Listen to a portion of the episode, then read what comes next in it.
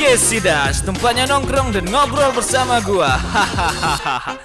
Jangan lupa di follow juga ya. Rabu dan Sabtu jam 7 malam. Oke kembali lagi bersama kita di Podcast Sidas. Dan ha, malam ini kita kedatangan tamu yang bisa dibilang sahabat lama juga eh, dengan saya ya. Yang sering ketemu tapi bisa dibilang jarang ngobrol ya sama dia ini. Jadi di hari ini nongkrong di tongkrongan kita ya. Eh, yang se- seadanya, sederhana, namun banyak obrolan yang bisa diangkat dan mungkin bisa bilang penting juga ya. Kadang bisa dibilang penting, kadang tidak ya. Jadi hari ini kita akan eh, ngobrol bareng dia yang di mana dia nih sering apa namanya sering jalan-jalan dan travel keluar kota ya. Jadi sebelum kita mengangkat tema yang akan kita ngobrolin sama dia nih, alangkah baiknya kita kenal kenal dulu lah bersama dia ya. Jadi tolonglah eh, temanku sapa dulu lah sobat nongkrong yang lagi mendengarkan podcast ini ya. Dan kenalkan juga lah namanya ya. Oke, si Abang. Eh, kenalin, eh, nama saya Raja Herul Fadli. Eh, asal juga dari Riau, tepatnya itu di Inhil, Bang. Inhale ya. Iya, di Itu Inhil. Kalau Nama asli, Inhil. namanya raja itu memang keturunan kerajaan ya atau gimana sih? itu sih Penasaran aja. eh, dari keturunan orang tua itu ada eh, keturunan dari keluarga kerajaan. Wow, bak maksudnya namanya pakai raja ya. Iya, benar. Keren keren keren. Jadi lagi ngapain nih Raja nih di malam hari ini? Kita nongkrong ya sama-sama dengan sobat nongkrong kita nih. Nah, kalau buat malam ini lagi lagi di kamar aja, lagi tak ada kegiatan juga kan. Oke, kita akan ngobrol bersama si Raja ya. Aku manggil Raja aja ya. Biar Oh, lebih boleh, akrab ya. Biar lebih Tapi- akrab saja ya. Ya, Apa tuh? Tapi kenapa ya? agak agak berat kalau dipanggil raja kan. Oh, jadi ya biar ringan sih. Kalau Fadli udah kebanyakan sama orang. Oke, oke, oke. Oke, oke, panggil Raja aja ya. Biar sobat nongkrong tahu nih. Aku lagi ngobrol sama siapa ya. Oke, hari ini tema kita malam hari ini itu menjemput kebahagiaan ya. Temanya luar biasa ya. Ibaratnya seperti berat banget nih bahasanya dan puitis banget ya, menjemput kebahagiaan. Kita coba tanya dulu lah dengan Raja nih, maksudnya menjemput kebahagiaan ini apaan sih? Sebenarnya kalau dari tema sih bener banget nih, berat banget. Eh, ada kisah sih sebenarnya di balik tema ini. Flashback ke masa lalu. Oh, Saya pengalaman tentu- pribadi ya, berarti ya. banget. Cuman ya semoga eh, yang mendengarkan dapat inspirasinya lah gitu. Ya, mana tahu wanita-wanita yang mendengarkan eh, merasa bisa bahagia ya, bisa dijemput ya. Iya. bener bener bener. Karena bukan bukan cuman eh, piti atau uang doang yang mesti dijemput, tapi kebahagiaan juga harus dijemput. Nah, ya sih. Jadi ini menjemput kebahagiaan apanya nih? Atau pasangan kah? Kehidupan kah? Atau masalah pribadi? Nah, kalau ditanya seperti itu, Ya. kita bakal eh, bahas ke tentang eh, apa ya? Karir lah. Oh, lebih ke karir kehidupan ya. Iya, kehidupan Iya. karir. Pengen tahu juga nih apa tuh maksudnya ya? Nah, awalnya sih ini kita cerita dari awal ya. Oke, awal mula ya. Awal pertama sekali Mm-mm. eh, untuk menjejah eh, dunia. Hiburan ya. Karena dulu tuh kalau dulu tuh Hmm? eh, yang namanya pendidikan nih khususnya itu eh, kita kan beradanya di kabupaten yang eh, sangat jauh dari perkotaan. Oh, daerah terpencil ya. Di Inhil, eh, daerah terpencil. Hmm. Jadi eh, untuk ke kabupatennya aja itu bang kita jauh banget gitu. Uh, kita harus naik kapal laut uh, menuju ke sebuah uh, kecamatan dan kecamatan itu namanya Mandah. Nah, dari sarana pendidikannya itu sangat minim di sana. Jadi mengapa saya bilang uh, menjemput kebahagiaan karena salah satu faktor utama orang di daerah kecamatan itu uh, anak-anaknya pengen bang uh, disekolahin terus uh, jadi seseorang yang berguna dan ber bermanfaat bagi halayak ramai. Jadi kalau bicara tentang pendidikan itu di sana tuh sangat minim gitu. Kalau misalnya kita pengen keluar dari perkampungan itu kita benar-benar harus ekstra banget buat uh, apa berjuang gitu berjuang untuk uh, mencapai ini ya menjemput kebahagiaan tadi ya. iya, iya. Untuk dikasih nanti uh, kepada orang tua tentunya kan. Karena iya. mereka mereka tuh ingin sekali gitu uh, anak-anak mereka itu selesai pendidikannya sarjana uh, padahal yang saya ketahui itu sebenarnya orang kuliah atau apa itu memang Apa tuh? Orang kuliah itu memang eh, gimana ya? Dibilang butuh, mungkin butuh, dibilang tidak karena tidak menjamin pekerjaan kan? Iya, kalau bisa kita ngomong sih kuliah itu adalah jembatan doang, bukan uh, menjanjikan kita untuk sukses ya. Cuman hanya jembatan doang karena bener fakultas atau universitas itu tidak akan pernah bisa menjanjikan kalau kamu lulus di sini kamu kerjaan kamu bagus gini gini kagak pernah kan mereka ngomong seperti itu kan. Jadi itu hanya sebagai jembatan doang. Bukan berarti pendidikan tidak penting ya. Iya iya nah, itu maksudnya. Banget. itu hanya sebagai jembatan bagi orang-orang yang uh, ini sih yang berpendidikan ya. Jadi orang-orang yang tidak berpendidikan pun belum belum iya, nggak boleh juga ah, ini. Nggak boleh nyerah juga kan dengan eh dia berpendidikan dia gini. Nggak iya. boleh juga seperti itu. Karena bukan bisa Benar. ini sih apa namanya kesuksesan bukan dalam tahap pendidikan ya tapi tergantung manusianya tersendiri ya. Iya benar banget benar banget. Nah, nah saya tuh pengen uh, menghapus persepsi tentang uh, orang di daerah tentunya. Uh, janganlah memaksa memaksakan misalnya contohnya anak itu dia mungkin tidak berpotensi di bidangnya, tapi terus dipaksakan sampai uh, sesuai dengan keinginan mereka. Padahal anaknya belum tentu di porsi itu gitu kan. Nah kalau saya sih uh, simpelnya berjalanlah sesuai dengan kemampuan kita. Gitu aja sih bang, simple kan.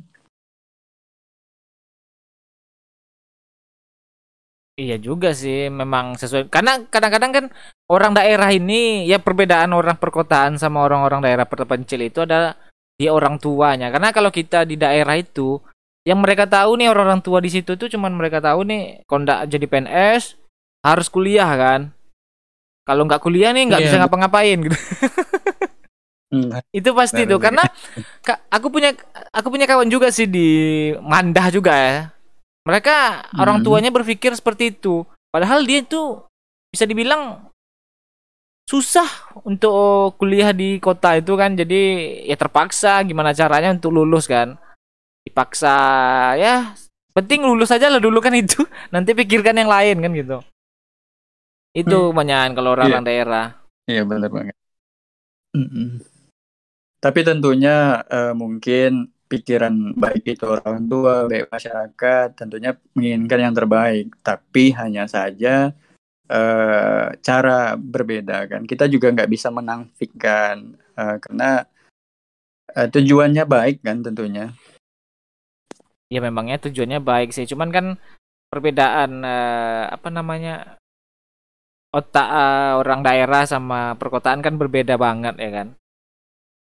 Dan lagi pula kita juga kalau ingin uh, menjemput kebahagiaan tadi, ya kita harus keluar dari suatu daerah itu. Karena kalau kita hanya di dalam suatu daerah itu, ya pemikiran kita ya di situ-situ terus. Benar. iya. Benar nggak? Nggak ibaratnya Bener nggak banget. luas lah gitu. Iya. Makanya eh, selesai studi kemarin di daerah, kemarin kan sempat eh, SD sampai SMP itu di kampung. Mm. Eh, makanya setelah selesai dari sana kemarin, saya pindah tuh bang ke eh, Batam. Nah, ketika saya nyampe di Batam itu kaget banget sama eh, dunia pendidikannya, karena dari kampung itu kan beda banget tuh. Udah nyampe ke kota itu eh, secara ininya beda banget, belajarnya itu beda banget gitu. Kita nggak tahu apa-apa, kayak katrok kali lah.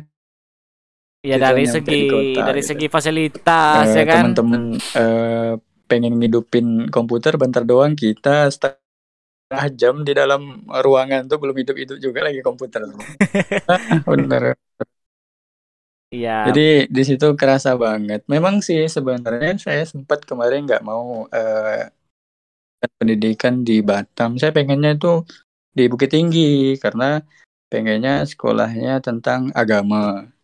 Mm. Karena menurut saya walaupun eh, gimana kalau kita punya ilmu agama, kita pasti bisa bisa hidup di mana kita ada gitu. Karena itu merupakan basic kita kan tentunya karena eh, kalau saya pribadi kan orang Islam juga gitu. Mm-mm. Tapi karena dulu keluarga belum yakin eh, saya buat eh, mengenyam pendidikan itu sendiri di Bukit Tinggi, maka diarahkanlah mereka ke Kota Batam. Karena Kota Batam ini ada tante saya juga di Batam kan. Ya karena demi menyenangkan hati orang tua, mau nggak mau kita sebagai anak harus menurutinya kan. Wah, harus menuruti ya berarti ya. Ya, gimana lagi kan setidaknya satu permintaan mereka udah dituruti, kemudian eh, terserah kita lagi kan, kita akan bisa ngomong kan. Yang penting yang di- Iya. mereka minta udah kita penuhi. Jadi terserah kita mau ngapain lagi kan. iya iya. Soalnya Tapi- kan apa tuh? Bang sayangnya itu saya di Batam itu nggak nyampe selesai loh. Oh jadi terbengkalai ya? Eh, jadi 2013 itu awal mulanya saya masuk ke eh 2013 enggak enggak 2010 2010 itu saya masuk di di SMA di Batam itu tepatnya di SMA 10 Batam. Nah berjalannya cuma dua tahun karena nggak kuat juga kan sama eh, Panas ya, dunia di panas. Batam. Karena panas Batam. Panasnya dunia Batam kan. Iya. Jadi akhirnya saya memutuskan buat adalah nggak kuat lagi nih di Batam. Baik itu dari segi pergaulan, eh, sebenarnya di mana pun kita ada itu tergantung eh, balik lagi ke diri kita kan. Tapi Iya. kalau misalnya kita ngerasa nggak kuat, buat apa kita pertahanin ya nggak? Iya, karena kan katanya tadi kan masalah agama itu adalah sebagai pondasi kita sebenarnya. Kalau pondasi kita kuat, sama kayak rumah. Kalau pondasi kita kuat, nggak akan roboh kan rumah tuh. kan. Seperti itu kan. Iya. Cuman kalau kitanya yang nggak kuat ya kan, kita nggak bisa memaksakan juga kan. Untuk Iya. daripada nanti semakin terjerumus kita ke dalam hal-hal yang panas-panas tadi kan. Hal-hal yang tidak diinginkan kan. Iya, karena Pak Batam kan panas banget ya. itu kota panas itu dan eh, makan pun kayaknya mahal di sana. jadi jadi setelah dari Batam ke mana lagi nih menuju ya? Apa yang mau dijemput lagi? Nah, setelah dari kota Batam, saya Hmm. ngelanjutin tuh pendidikan, pindah lah dua tahun di kota Batam, kemudian saya melanjutkan ke kota Inhil. Inhil itu tepatnya di eh, kota Tembilahan, SMA 1 kota Tembilahan. Itu pun kalau mau eh, ke daerah saya itu mesti naik kapal laut, itu jaraknya sekitar tiga jam tuh. Speedboat ya, pakai speedboat Dari- bisa itu kan? Mm-mm, Tiga jam baru nyampe ke kampung. Tiga jam baru sampai ke kampung. Ya, nyelesai eh, selesainya sih di Kota Tembilahan untuk selesai SMA-nya. setelah selesai SMA itu pun masuknya pas orang udah mau ujian ujian loh bang. Ujian apa? Ujian UN UN kelulus. UN beberapa hari mau UN saya baru juga masuk di situ kan. Setelah pengurusan yang sangat ribet. Karena kan eh, untuk Kepri ke itu kan udah beda tuh kita Urusan pemindahan ya? beberapa surat kayak seperti urusan kita udah beda pemindahan ya. provinsi kan iya beda bro eh udah ya iya urusan provinsi kagak tahu juga sih kayaknya udah Kepulauan Riau sama Riau udah ya beda gitu udah provinsi. iya beda Kepulauan Riau sama Riau Oh, jadi berarti sering pindah-pindah sekolah juga berarti ya? Berarti udah banyak pengalamannya nih di setiap kota berarti nih?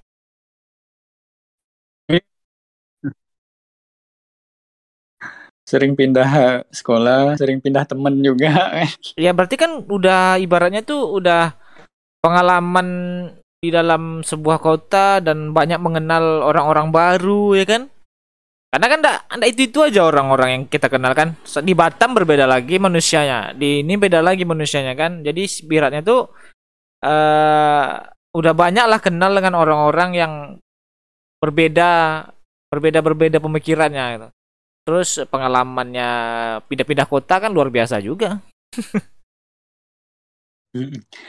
kalau kalau semasa itu emang terasa kali eh, perbedaan eh, setiap kota itu kan punya punya gayanya sendiri kan?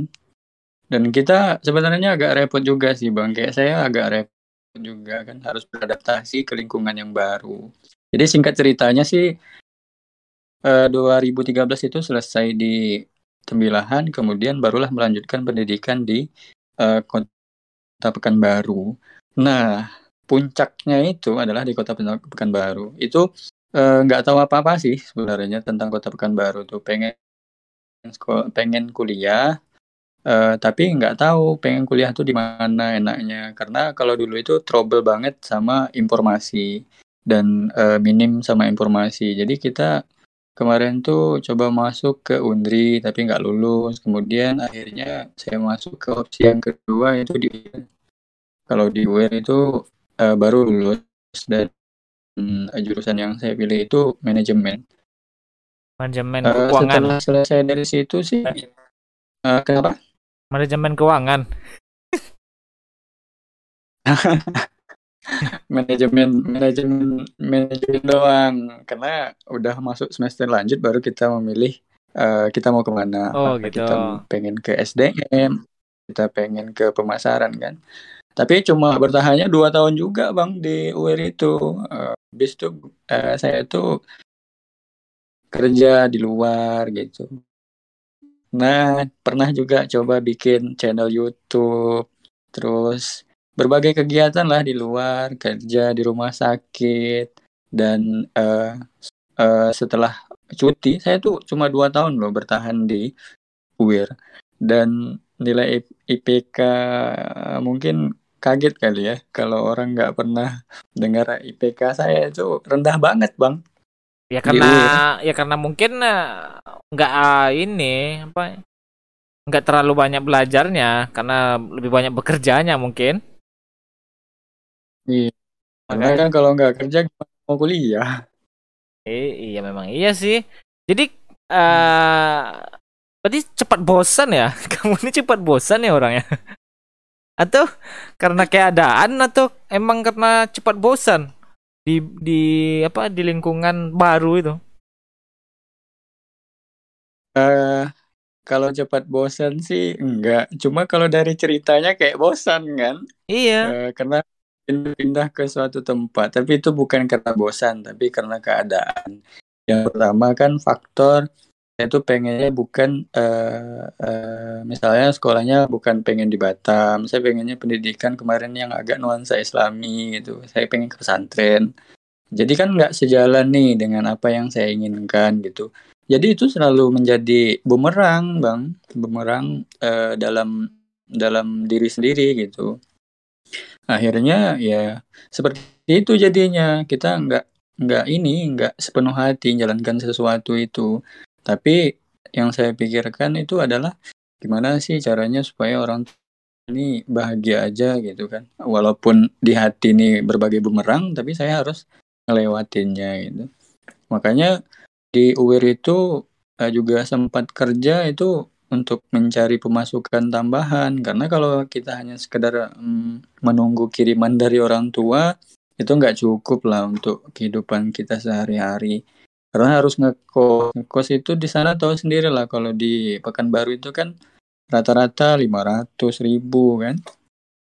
Iya, nah iya juga ya. kita orang kalau kalau kita orang di desa itu uh, uang satu juta itu banyak banget tuh bang gitu kan nah kita menyesuaikan dengan keadaan. Makanya dari dari nol banget di kota Pekanbaru itu kerja dan sebagainya kan untuk menyelesaikan studi. Tapi cuma bertahan dua tahun. Bertahan dua tahun ya. ya bertahan dua tahun. Jadi saya ambil cuti itu. Cutinya panjang. Cutinya dua tahun juga. Ya ambil cuti kan bayar juga. Iya, bercuti dua tahun saya kerja dulu.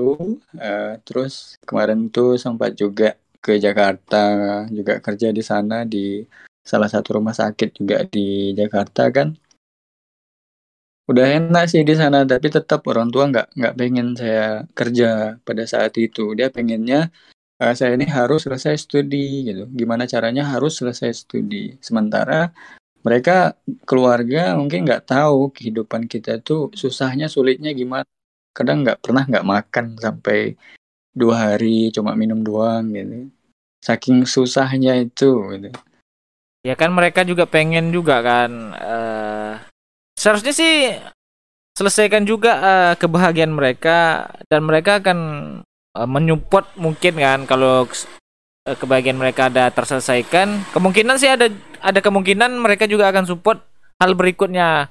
Misal kayak kerjaan atau kayak mana. Cuman kan karena ini uh, masih masih menurut mereka itu belum apa namanya belum menjadi kebahagiaan mereka pendidikannya. Hmm. jadi mereka itu selalu memaksakan kehendak itu. Kalau orang tua memang seperti itu. Kayak mana pun lah caranya mereka akan bertanya hal itu. Hmm. Itu pasti. Karena Tapi... menurut mereka ini apa namanya itulah uh, jika kalian lulus itu otomatis uh, dia bangga di kampung dengan orang-orang sekitar tetangganya bahwasan anak saya gini gini gini gini gini ya kan? Kan itu kalau di di dalam perdesaan biasanya kan. Kebahagiaan orang tua cuma itu kebanyakan kalau di desa ya. Iya benar banget Uh, tapi mereka kenapa memaksakan saya itu harus selesai studi? Pertama kan eh, kadang-kadang omongan orang ini sih yang bikin salah satu uh, pikiran orang tua ini kebeban banget gitu.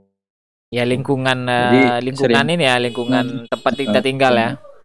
Tempat kita tinggal itu yang selalu bikin uh, pikiran orang tua kita itu kadang-kadang bisa rusak gitu kan. Sementara padahal anaknya cuma duduk diam aja di kos, tapi kadang-kadang ada sih laporan dari beberapa mungkin rekan atau apa kita nggak tahu lah ya. Cuman yang saya yang terjadi pada saat itu ya kayak gitu itu. Saya cuma duduk doang di kos, tapi kok ada laporan-laporan yang kurang mengenakan. Tapi saya logo aja sih bang ikut ayo ah, udahlah nggak apa-apa mungkin itu sebuah tantangan buat saya gitu gosip-gosip ya Gosip-gosip uh, tetangga. Karena kan dari status saya sendiri aja kan istilahnya udah pindah-pindah. Jadi orang mikirnya mungkin ah ini nggak beres nih anak gitu kan. Ya, ya, Padahal kita sih. tuh pengen pengen juga gitu menyelesaikan studi dengan sebaik baiknya tanpa juga membebankan orang tua kan. Nah singkatnya sih uh, saya cuti terus kemudian udah dapat sedikit modal untuk melanjutkan ke uh, pendidikan. Saya pindah bang. Pindah kuliah ke salah satu kampus uh, di kota Pekanbaru juga. Saya pulang tuh uh, dari kota Pekanbaru uh, di kota Pekanbaru tuh. Karena sempat juga pergi ke salah satu pesantren yang ada di Tangerang. Karena udah frustasi tadi kan Uh, kalau di Jawa itu banyak banget bang pesantren-pesantren yang menerima orang-orang yang pengen belajar bahkan tanpa biaya spesial pun gitu. Nah, di situ tuh tempat di mana saya juga belajar kan. Sebentar doang sih sebenarnya nggak lama tiga bulan. Tapi setelah sharing tentang pendidikan dari sana tuh menyuruh saya untuk pulang lagi ke Pekanbaru untuk menyelesaikan studi gitu. Akhirnya saya pulang tuh ke Pekanbaru dan saya masuk di salah satu kampus yang baru. Nah, di kampus yang baru itulah saya baru menyelesaikan studi. Oh, jadi akhirnya uh, sampai akhirnya selesai juga ya? Sampai sampai akhirnya selesai juga dan udah udah puas kerja di luar, udah pokoknya udah banting-banting lah. Udah banting tulang ya. udah banting-banting.